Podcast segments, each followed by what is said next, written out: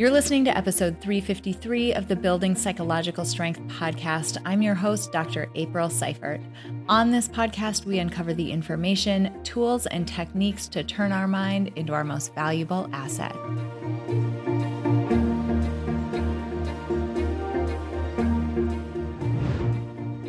Hey everyone, welcome back to the Building Psych Strength podcast. My name is Dr. April, and I'm so happy you're here.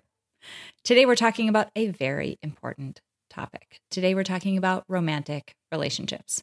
Now, this isn't a topic that we've covered a lot on the podcast. I don't know why, because it's such a fundamental, foundational topic for so many of us. And it's a really neat way that we're covering this topic today. So much about the way that we interact in our relationships, especially our romantic relationships, is almost call it predetermined or pre influenced for sure by things that we learned throughout life up until that point. We've talked a lot about concepts of our familiarity zone or comfort zone that comes into play when our romantic relationships are involved.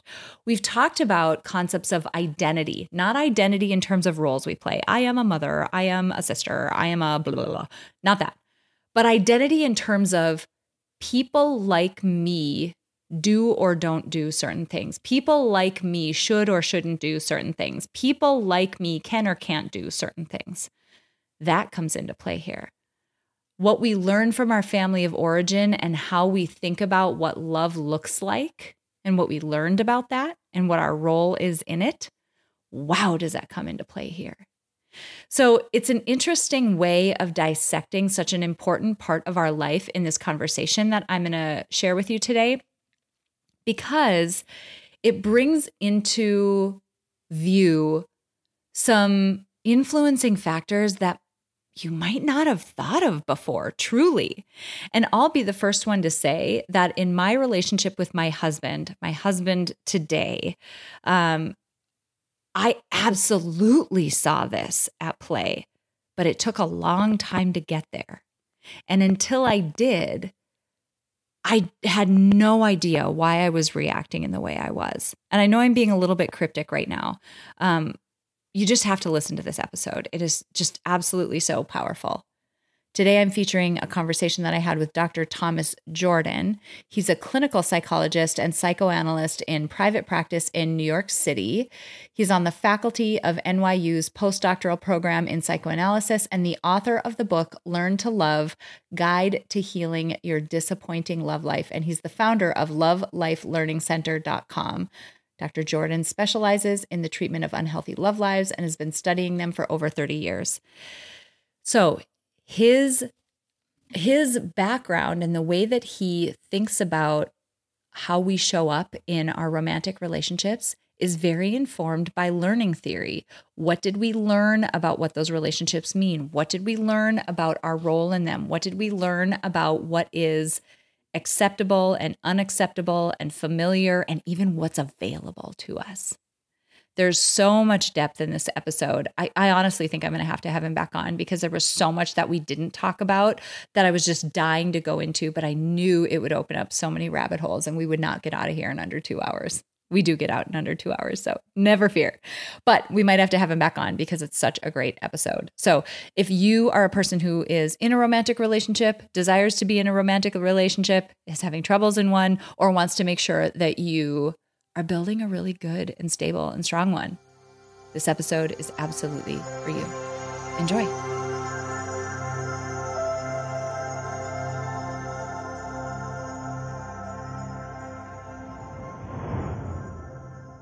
Tom, I'm so excited that you're here with us for this episode. We're diving into a topic that so many of us need some good info on. So, thank you so much for being here.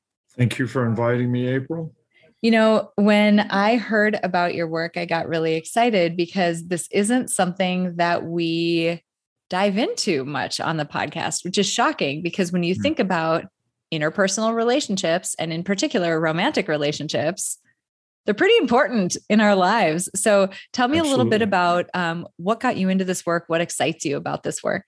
Um, basically, three reasons. One is I changed my own love life back in the 1990s as a course of being, as a result of being in treatment with someone who had a sensitivity with, about love life issues, helped me realize that what I had learned in my family of origin, I was replicating in my adult love life. And wow. that awareness really blew me away. I took a break from dating, figured out what the family of origin influences were, and uh, I made some changes. And I've been married now for 28 years. I work with my wife. She's also a psychotherapist. We have a joint practice together. So I wanted to take that experience that I had and distill it into something that can at least get people started along the road of becoming aware of what's going on in their love lives. Uh, the second reason is I, I, in a course of about 34 years of practice here in New York City, I've seen a lot of repetition in people's love lives. Repetition, repetition. And the other word I attach to that is replication. Mm-hmm. Repetition, replication, repeated disappointments, replicating patterns that were learned uh, earlier in life. And the, the gap, the disconnect between what went on in the family of origin and how it's being replicated in a person's love life is oftentimes just they're just out of touch with it. They're not aware of it. And that can be quite tragic because i've met with people over the years who've replicated lousy relationships multiple times. And now they're in their 50s and 60s resigned against love. It's like you know forget it. It's too hurtful. And I, I, think that's just a continuous problem. Uh, a segue into that is this crazy divorce rate, which bugs me. Um, 50% first marriage, up to 60% second marriage, and a mm. whopping 73% third marriage. Now, you can't convince me that's not making the same mistake over and over again. you cannot convince me that there's not an unconscious process going on there. Uh, and I happen to believe, and my research indicates that it's a learning process that's being replicated.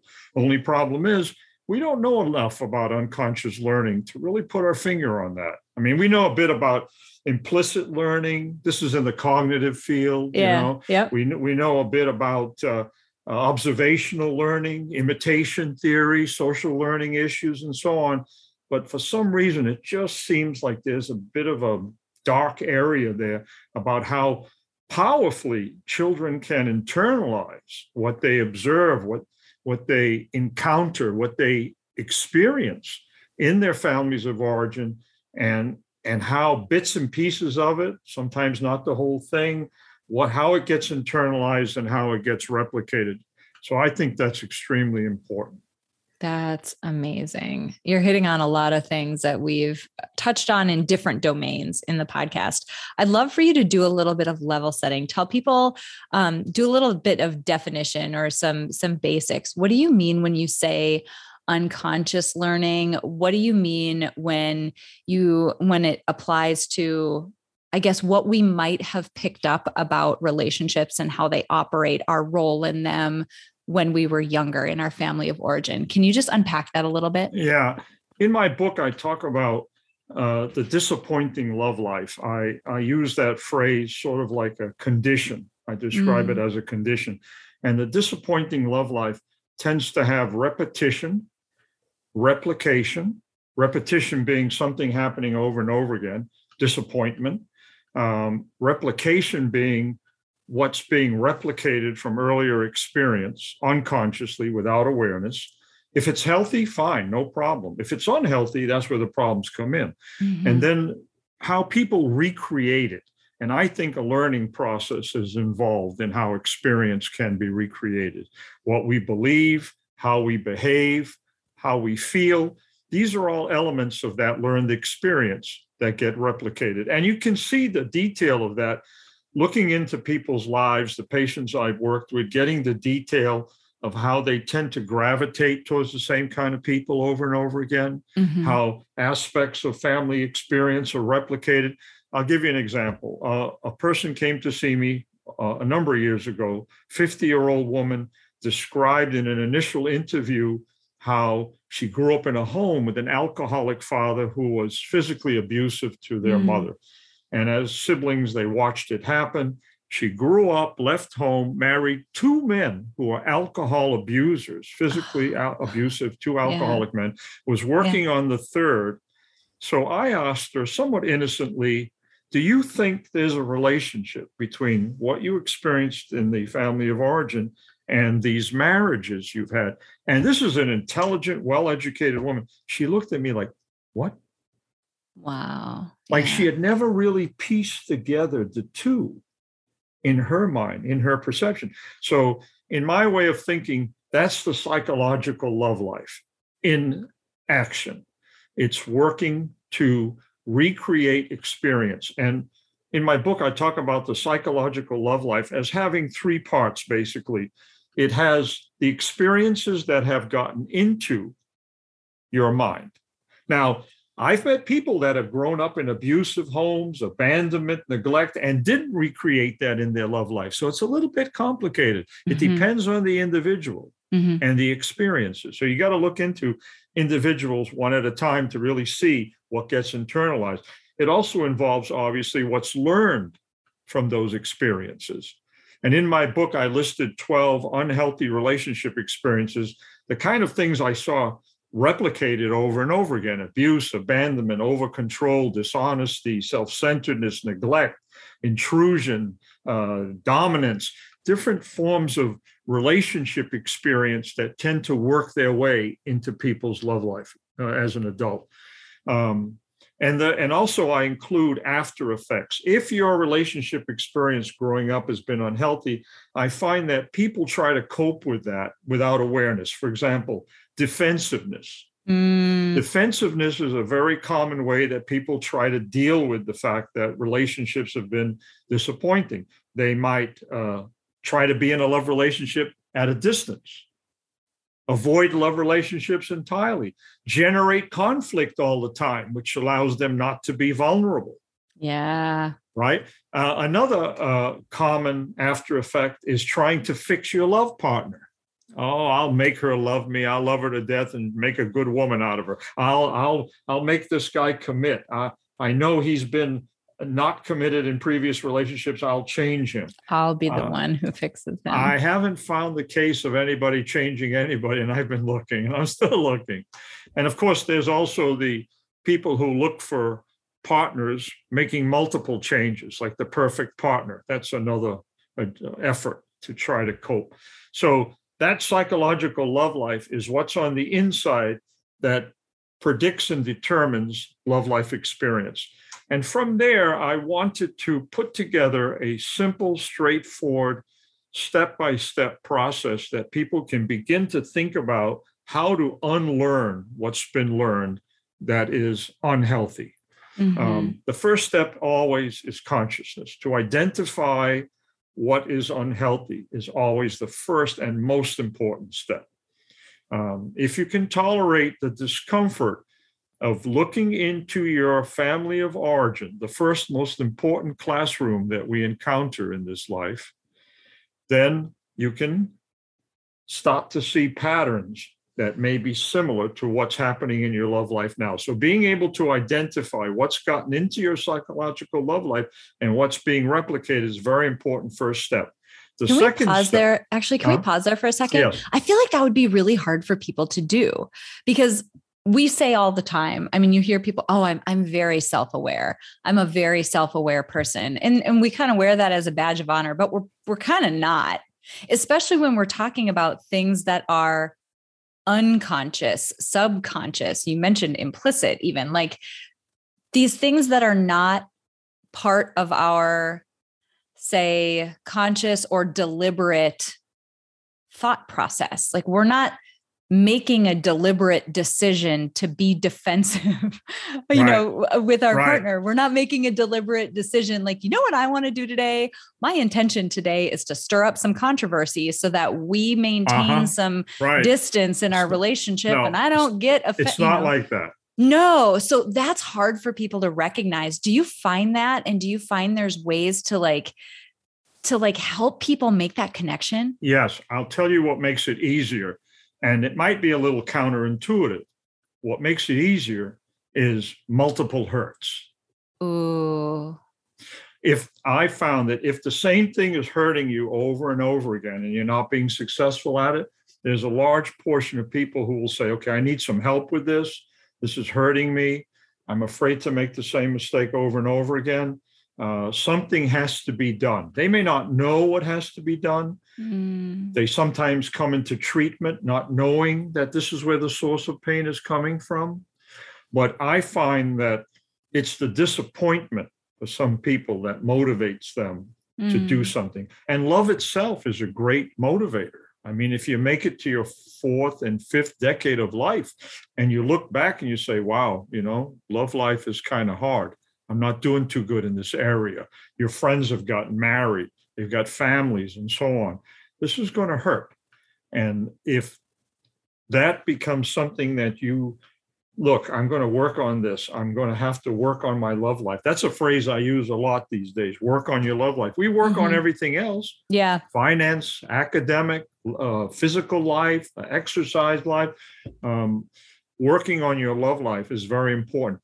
Uh, let me share with you a theory I have as to why the love life has been neglected. Yeah. In the 20th century, we were very careful tampering with the family of origin. Yeah. Yes. Domestic violence, walk the guy around the block, put him back in the house. Child abuse, spare the rod, spoil the child. In the 20th century, we were very protective of what mm-hmm. went on in the family of origin. That translated into carefulness in our profession about this issue. Right. And I'll tell you, I'll tell you how. Sigmund Freud right? In the turn of the century, with Joseph Breuer, studies in hysteria, what did he discover? He discovered that the Victorian society was gigantically sexually abusive to mm. women and children. He wrote it in the book. Six months later, he took it back.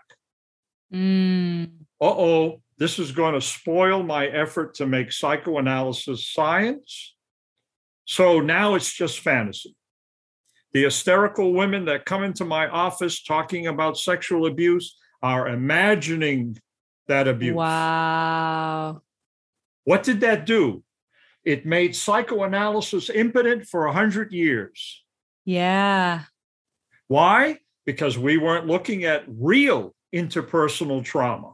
Right. Yeah. We were not looking at the family of origin as a place where people can get the most wonderful things in life and the most horrible things in life. Yeah. So now in the 21st century, the good news is we're becoming a little more interested in PTSD. Yep. Post trauma.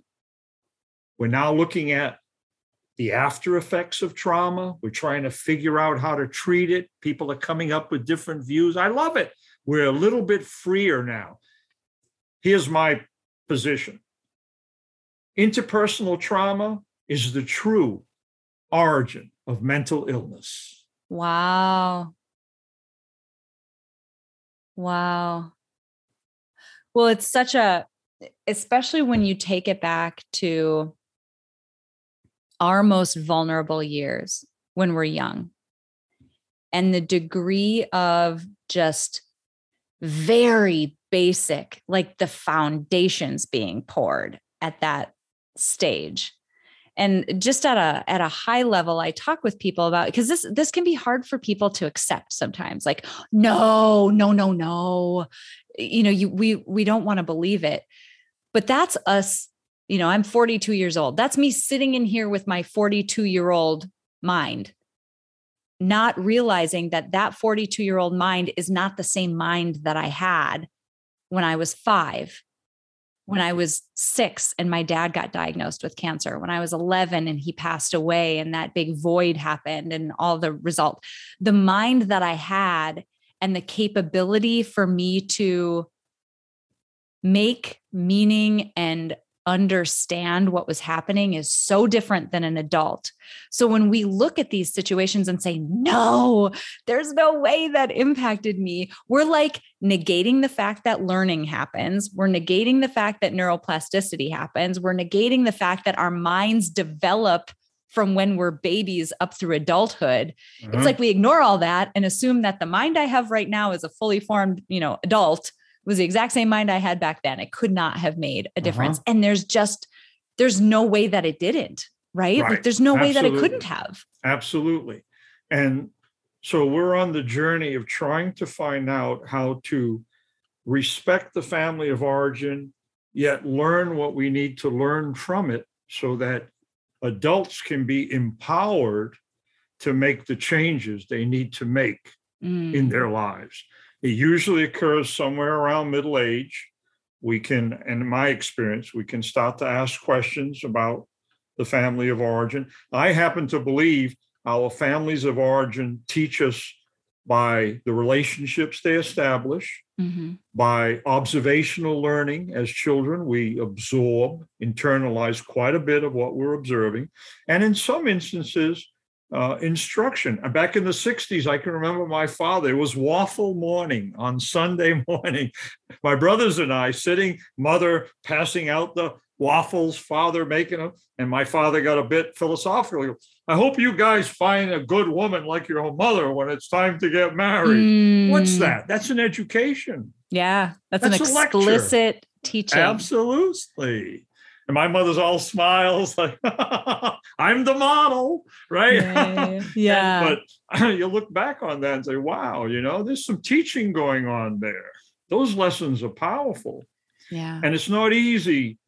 And you were hinting at this earlier when you said eh, it's not easy to make the change. Uh, becoming conscious of it is a process that, like, some people can read my book and get the idea. I got to think a little more about my love life. Let me uh, Mhm. let me sit down. I I even wrote it like a guidebook where you can fill in which un, unhealthy relationship experiences occurred to you. I wanted people to use it in that way. Easy to read, very explicit, straightforward. But some people might need a little support. That's why I offer, my wife and I offer a little uh, telehealth love life consultation work for Mhm. people who've read the book and want a little support getting through to stage two.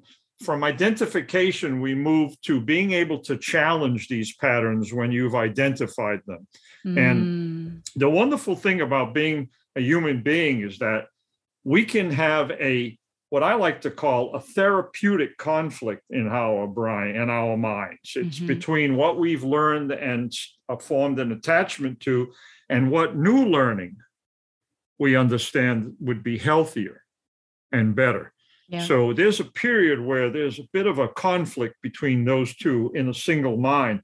So it's important to be able to push against what we've learned that's unhealthy. We've already labeled it as such, and we struggle to disrupt it. And that middle stage can be difficult for people. But I find, for example, in in, in working with patients that uh, empowering people to be able to identify. People will talk, a woman will say to me, You know, I went out with a guy last night. I think he's like the other men that I'm trying to avoid. Let's Mm. talk about him. And so we'll talk about him. And and she'll be strength, we'll be working on strengthening her ability to apply her consciousness. Does he say the kinds of things that are red flags for, say, a non-committal man, a man who's not emotionally available? Uh, so that she doesn't replicate an abandonment experience she's had Mhm. and she's replicated a few times in her love life prior. So that a ability to look into experience and say, no, I'm not going to let that progress to a dating relationship because he's not eligible. He's not the kind of man. He's a replication guy. He's going to help me replicate something I don't want anymore.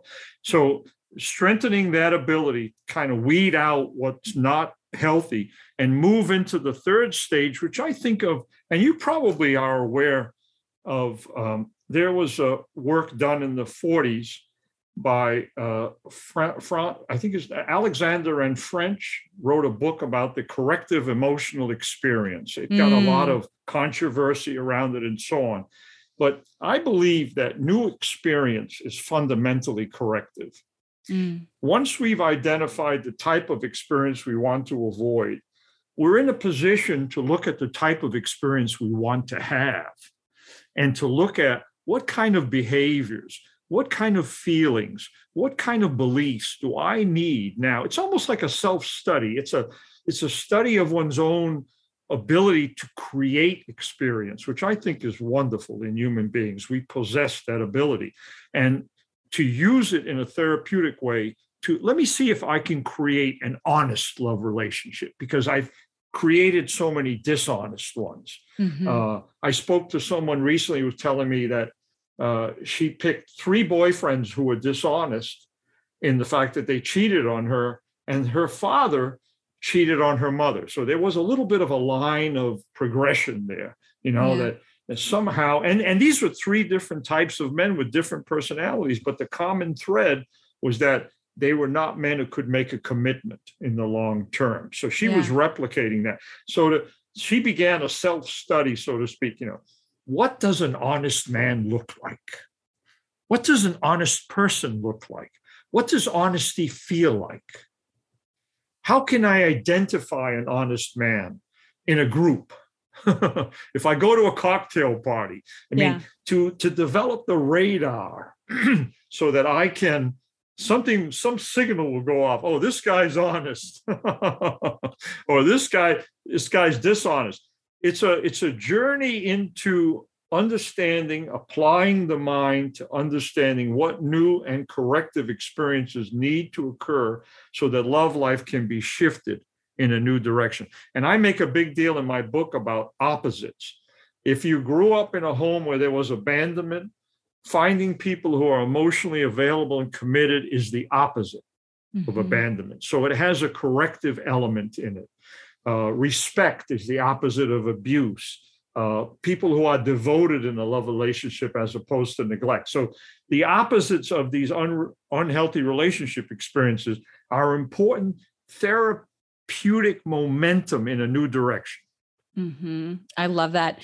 And I think it's worth noting some of the reasons why that murky middle, the tricky step two, is as tricky because it can be th- these are all everybody's got the best of intent right and when we look at this stuff at surface level we can say the example you gave of your uh, patient in the past who kept finding you know romantic partners who were alcoholics for example why would you continue to do that? Yeah. But we don't realize it goes back to what you were talking about with what we might have learned. You know, people are very, I'm just going to use some, you know, relatable language. People talk a lot about like, oh, comfort zone, comfort zone. And I'm like, from a cognitive perspective, it is familiarity zone. Yeah. It ah, might, it Ooh, might I be so oh, uncomfortable. You hit like, a buzzword. That's yeah, wonderful. totally, Familiar. totally. The root is family. Yeah. Ooh. we just Family came up with a whole other thing right there. There it yes. Is. The familiar yeah. is what you've learned from family. It's a dirty yeah. word. It has a positive and a negative implication. Yeah. What's familiar could kill you. Yes. Or set you free. Yes. So and it's it's so interesting because in our mind uh, psychologically familiarity trumps for us venturing out into the unknown, which uh-huh. might be uh-huh. that opposite that you talk about. Right. And I would encourage people to think about if if this is resonating with you, if you're like, God, I keep dating the same person, or I keep like finding myself in this replicating situation that, you know, Tom, you're talking about. Listen to your mind. What is it saying to you? Like, oh, I know he said that, but like, are you, is your mind like, like fighting in favor of that person who, if you really think about it, you know, probably isn't right? Or is your mind telling you that you are undeserving of the opposite? Or is your like, what is it? What kind of ick? What kind of chatter? What kind of anxiety? What kind of rumination? What kind of garbage is it throwing you? Because it's a pretty good indication that you've just stepped your toe outside the line of what's familiar. And it might be a good indication that you're going in the right direction. Yes, yes. And I'll add something to that. Mommy, daddy, Mommy is a powerful word. Yeah. What mommy taught me, what daddy taught me, big brother, big sister, Aunt Mary, mm-hmm. Uncle Joe. These are very important people with a lot of impact. To be able to say, look, I love mommy, but she taught me something unhealthy. Yes. I grew up in a home, and I use myself in chapter five. You know, I, I, drove myself crazy trying to think what patients am I going to. get some release of confidentiality. Oh, forget it. I'll use my own love life. You're like, I release myself. right. I don't care. Here's all my garbage. I'm 69 years old. I can do stuff like that, right? Totally. So, so uh, I even have a picture of mom, dad, and myself when I was a year and a half, yeah, a year and a half years old. Um, these were the people that taught me about love. Yeah. Some of it was good, some of it wasn't. My mother never left home. Her parents lived upstairs. Mm. She and four sons lived downstairs. My father worked for my grandparents. She never left home. She never had an opportunity to develop her own individuality, mm. separate from the family. She didn't. She had a lot of unhappiness about that. Yeah. Guess which son sat at the dinner table listening to all the details? Yeah. Yeah. Um, my mother taught me eligible women were dependent, controlling, and self centered. Mm. Three qualities she struggled with. I learned them from her. Guess what kind of women I went looking for in my love life from the age right. of 17 to 35? Yeah. Dependent, controlling, self centered. Here's the scary part. If I found someone who was independent, not controlling, not self centered, I imagined they were. Wow.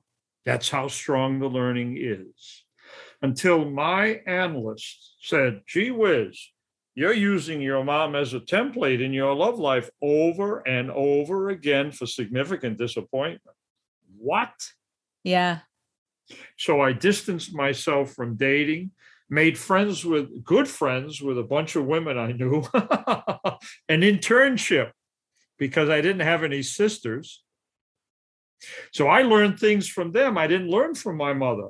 Yeah. As a middle-aged man, and when those relationships broke up after about 5 years, my wife showed up, Victoria. Mm. We got married. 28 years married. She's independent not controlling, and intimate, not self centered. That's amazing.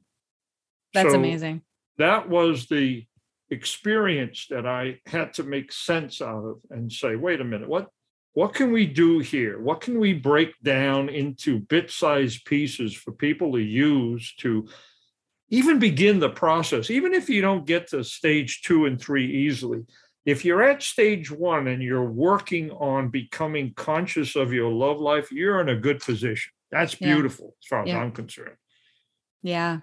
One other bit or piece that I would love to add to it is as you move into that messy middle, you start to and make those connections, right? So you've made a connection between some of the difficulty you had in your relationships and what you learned from your mom that can create its own set of dissonance right i mm-hmm. i but i'm she's my mom and i love my mom but i'm so angry right. because it's causing this big right, issue right. and right and where and i'm here i'm i air my dirty laundry on this podcast all the time and i'm not going to go to too much detail here but what i will say is i had a similar realization with someone in my family and what i had to realize is something you alluded to about your mom I learned these things from that person.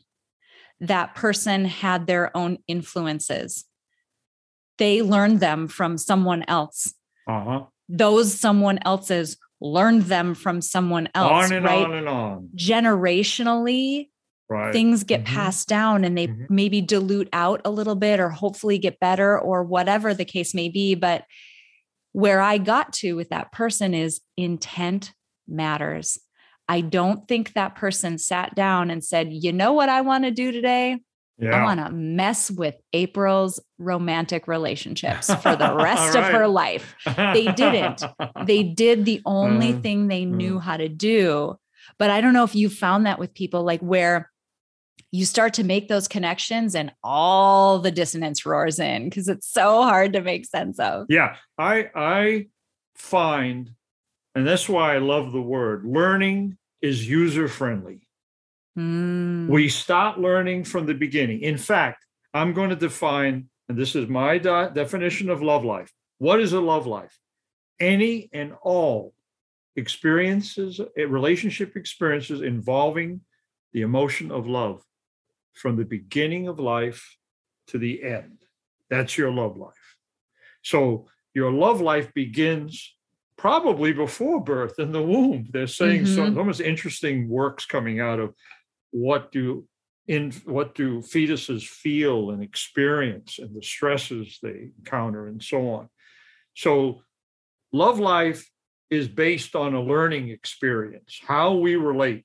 In my book, in my preface, I one of the first statements I make is this is not a book about love. Mm-hmm.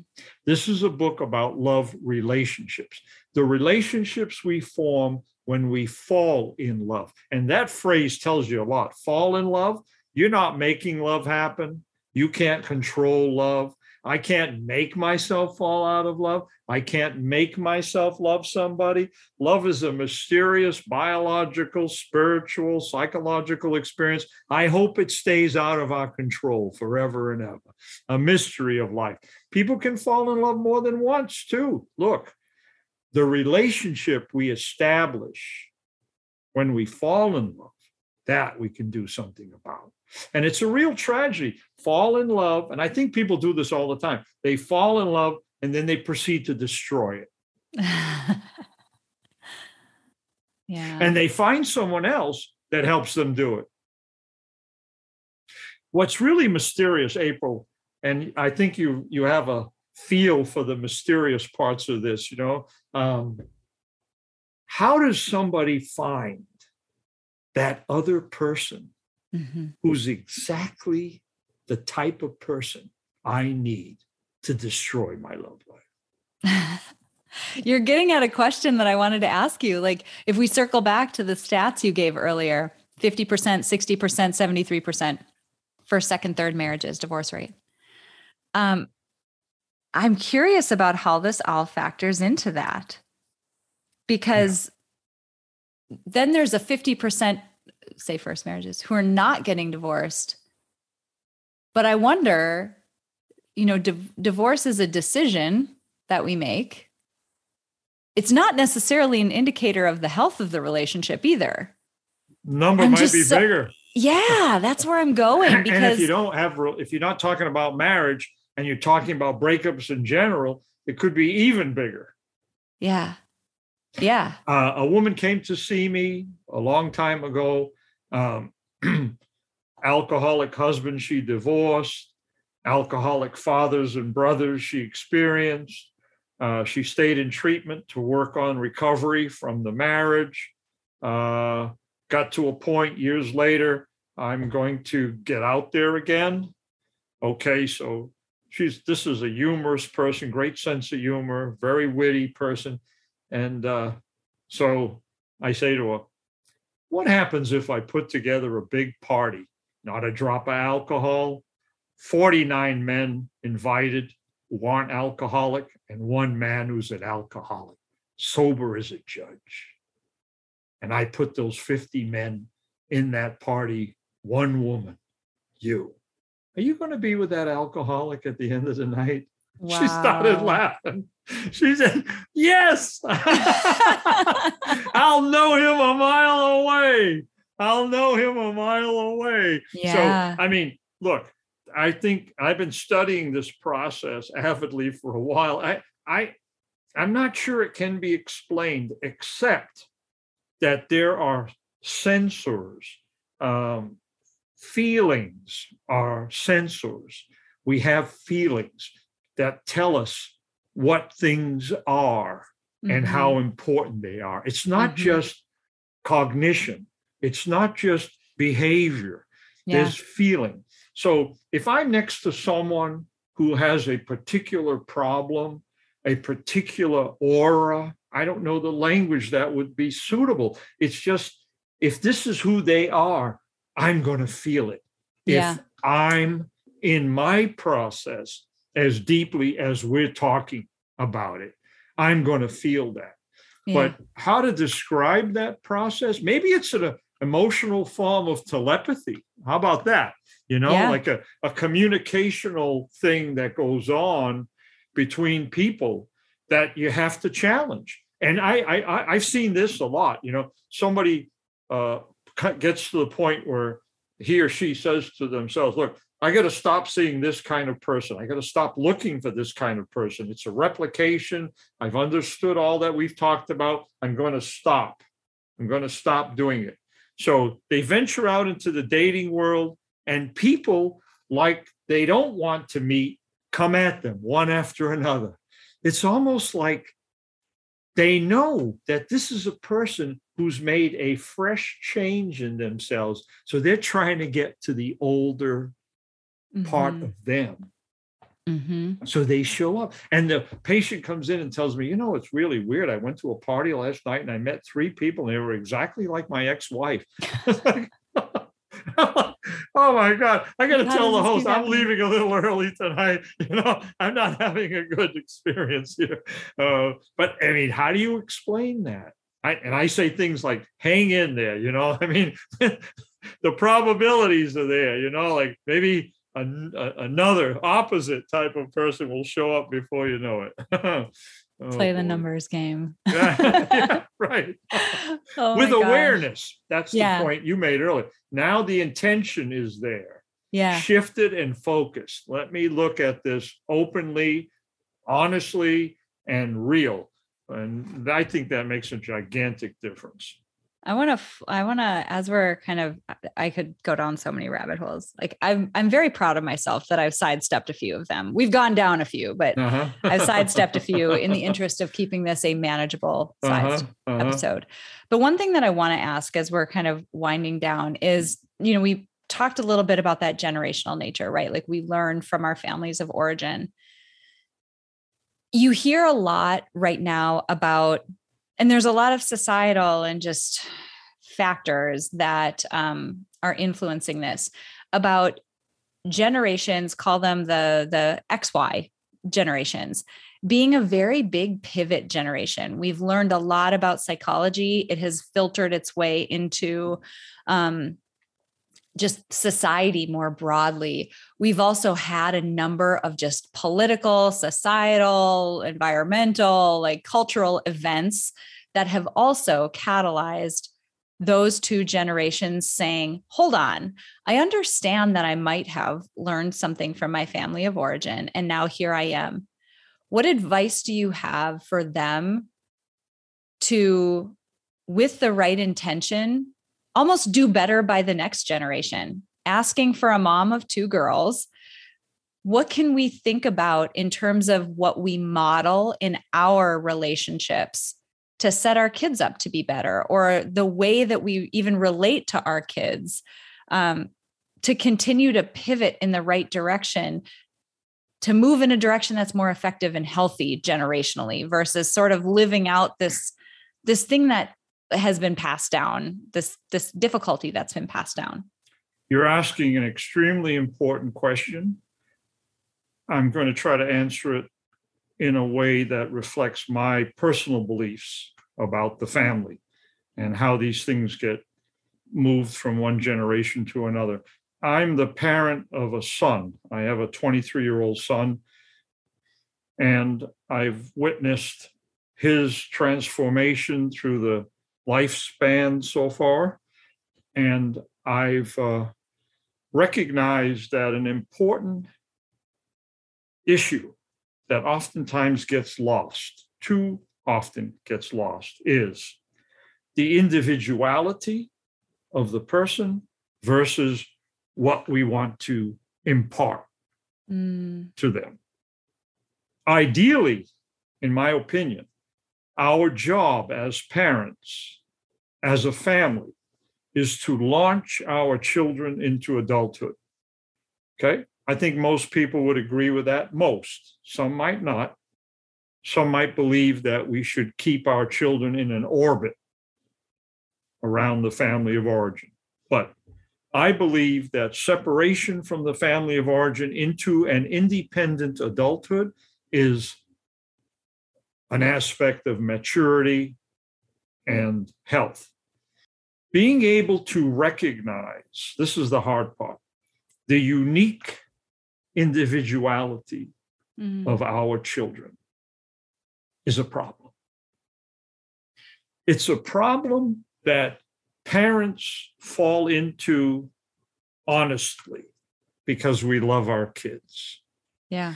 We want them to get the best out of life. We don't want them to suffer. We don't like it when they fall down. We want to protect them as much as possible. If you're a caring parent, this is what you want. Yeah. But unfortunately, sometimes when we protect our children, we don't allow them to have the experiences they need to develop themselves. Sometimes we get in the way. We can get in the way physically, we can get in the way psychologically. Yeah. And this brings us close to your question. How do we get in the way psychologically? If we're transferring unhealthy patterns from one generation to the other, that's a good example of getting in the way psychologically in an unhealthy way. Um, recognizing the unique individuality of our children I, I, wrote a book in 1999, uh, Individuation and Contemporary Psychoanalysis. I'm very interested uh, from the work of Erich Fromm. I worked with a man, an, an, an analyst by the name of Benjamin Wolstein, uh, who was uh, a, a, a, supervisee of Erich Fromm and worked with Clara Thompson, the psychiatrist who was uh, the American psychiatrist. And, and these people had ideas about individuality, unique individuality, and psychological individuation. That maturation wasn't just bringing in other people's viewpoints, psychological strength wasn't just incorporating, internalizing other people's viewpoints. Right. It was more importantly allowing one's unique individuality to emerge and become the foundation of one's existence and one's mm. interpersonal life. And that is true psychological strength because now who you really are, your true self, is the foundation of your life, emotionally and otherwise. And that process is called psychological individuation. What's interesting is that for example, Margaret Mahler, uh, back, I believe it was in the 70s, she defined individuation as taking bits and pieces of what our parents teach us, putting it in our mind, and individuating based on that. But the mm. people I just cited argued with that and said, no, no, no, no, no. We use other people to grow up, but that's not who we are. We use them. I can internalize mom and dad as part of that process of maturation. But there's a point in my life where becoming who I am, recognizing my uniqueness, my individuality, that's a sturdier, mm. more authentic foundation to my psychological life. So I would define the question you ask, which is what is psychological strength, as a process of individuation in one's life, mm-hmm. being able to do that. Now, when does it take place? I would love to sit here and tell you, April, that there are tons of families that individuate, their children from young. Five year old kid, and mom says, Never mind what I'm saying. It's what you want for yourself that's important. Let me teach my child about the uniqueness of their individuality when they're young so that they can harness that energy and that understanding it doesn't happen that often in my experience. Mm-hmm. What happens instead is middle aged people get to a point where they say, wait a minute, I want to own my own life. I want to find out. And here's a big middle aged question Who am I? Yeah. That is code word for I need to psychologically individuate. Yeah. That's so good. This has been amazing. There's so much in this conversation that connects to, I mean, just every facet of our day to day lives, but some of the most important, what can be psychologically protective relationships that we have in our lives. And I'm just so appreciative of you coming on and being with us. Where can people learn more about you, learn more about your book, your work, all of that? Uh, I have a blog website called the Love Life Learning Center.com. lovelifelearningcenter.com. Uh, there are a bunch of posts on there. I wanted it to be an online library of sorts, you know, where people could find articles on the real love life stuff, not the flowery stuff, but the, yeah. you know, um, so uh, and and you'll find information about my wife and I and our work as well as the book. The book's on Amazon and other book distributors. Um, but that's the that's the center place, the lovelifelearningcenter.com. Perfect. I'll make sure I link that up on this uh, episode description on your show notes page so that uh, folks, if you're listening to this, you and you're interested, you can just swipe up on your device and click and get right there. Um, Tom, this is amazing. It's such an it's such a cool blending of psychoanalysis and the cognitive stuff that I there nerd out on, and the, like it's just it's all interconnected. Uh-huh. I, I uh-huh. feel like there's I joke with other psychologists sometimes. I'm like, maybe there's only like three things that psychology has to say, but we all say it in a little bit of a different way. So it feels like a really broad field, but we really uh-huh. only have like three things to say. It yeah. feels like sometimes. we should all speak the same language at some point. You know, I know, I, mean? I know, but whatever. If we hundred years from now, maybe. yeah, if we all uh. say things in slightly different ways, maybe it'll resonate with more people. But I'm just so appreciative of you coming on and and doing this work and taking such care to take some of these conceptual issues and make them very practical for, for people. So thank you so thank much you. for being with thank you us. for inviting me. Absolutely. I learned something in every podcast and I had a great time in this one. Thank you so much. You bet. All right, friends, stay with me for a couple more minutes. I've got a few resources to send your way, especially that link to Tom's book will and his blog. We'll make sure we get that in the additional resources, but a couple more things for you to consider. Hang out for just a second and I'll be right back.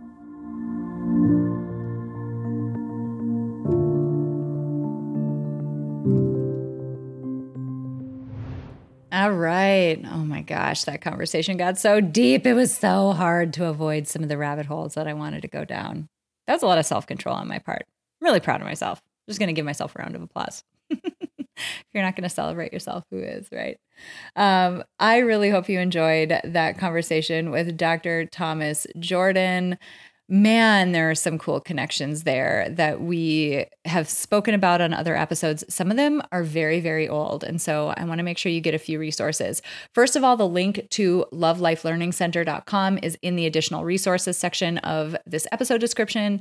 If you're interested in any of that, click in there. You can get to all of Dr. Jordan's stuff. I highly suggest it. This is just it's such a revolutionary but such a cool way to think about our romantic relationships. Second, I did an episode with the founders of A Deeper Way quite a while ago. It's called Six Principles of Meaningful Relationships.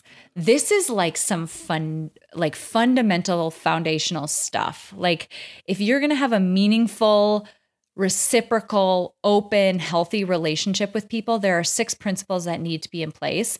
And I would highly suggest you check out that episode to just give yourself more food for thought, especially when you're thinking about that, that first step that Dr. Jordan talked about. So, how do we become more self aware of the problem areas in our relationships? This might give you some, I guess, more food for thought as you start to think about how you're currently showing up or what's currently happening inside your romantic relationships. So I wanted to share that one six principles of meaningful relationships. Third resource that I have for you. This is an old episode. This is episode, oh gosh, what is it? 106. This might even be a legacy episode from before I rebranded the podcast to Building Psychological Strength. P.S. If you're new to me or you haven't been here since the beginning, hey, OGs, uh, this podcast used to be branded Women Inspired. And so, way back in the day, I featured only inspiring women. I've branched out to do back to the stuff that I absolutely love around psychology, but this was a legacy episode. So it'll sound a little bit different. Regardless, the interview part of it is so important. This is with a woman named Sylvie Koukassian. She is an expert in the realm of attachment. So, how your attachment style impacts your relationships. I can't stress enough how important this is. We I told you there was a lot of landmines and not landmines, but like rabbit holes we didn't go down on this episode. This is one of them. We flirted with this topic so many times. And I'm like, don't do it. You can share the other episode. It's going to be okay. They're going to get the information. So please do me a favor. Go listen to that episode. Sylvie is very active on Instagram and social media. So go to that episode and connect with her on Instagram man, she shares some really helpful information. So, how your attachment style impacts your relationships, episode 106, going to sound different from today's format of the podcast, but so worth listening to. Friends, I'm so thrilled that you joined me for yet another week of the podcast. It means everything to me to have you in this community. Thank you, thank you, thank you so much for being here. And please share this with somebody else who might benefit from it. It would mean so much to me, and I think it would mean a lot to them to know that you're thinking about them and supporting their growth and development as well. And finally, let's remember that time is the most non renewable resource on the planet, and I'm grateful to each and every one of you who chose to spend some of your precious time with me today. I'm Dr. April Seifert, and I will see you next week.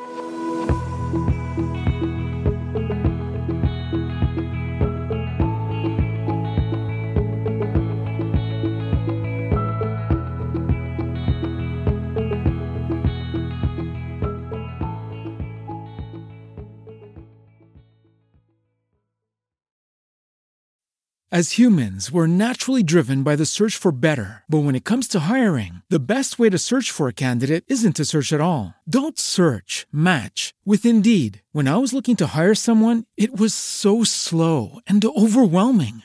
I wish I had used Indeed. If you need to hire, you need Indeed. Indeed is your matching and hiring platform with over 350 million global monthly visitors, according to Indeed data, and a matching engine that helps you find quality candidates fast. Ditch the busy work. Use Indeed for scheduling, screening, and messaging so you can connect with candidates faster. And Indeed doesn't just help you hire faster. 93% of employers agree Indeed delivers the highest quality matches compared to other job sites, according to a recent Indeed survey. And listeners of this show will get a $75 sponsored job credit to get your jobs more visibility at Indeed.com slash podcast. That's Indeed.com slash podcast. Terms and conditions apply. Everybody in your crew identifies as either Big Mac Burger, McNuggets, or McCrispy Sandwich. But you're the filet fish Sandwich all day. That crispy fish, that savory tartar sauce, that melty cheese, that pillowy bun. Yeah, you get it.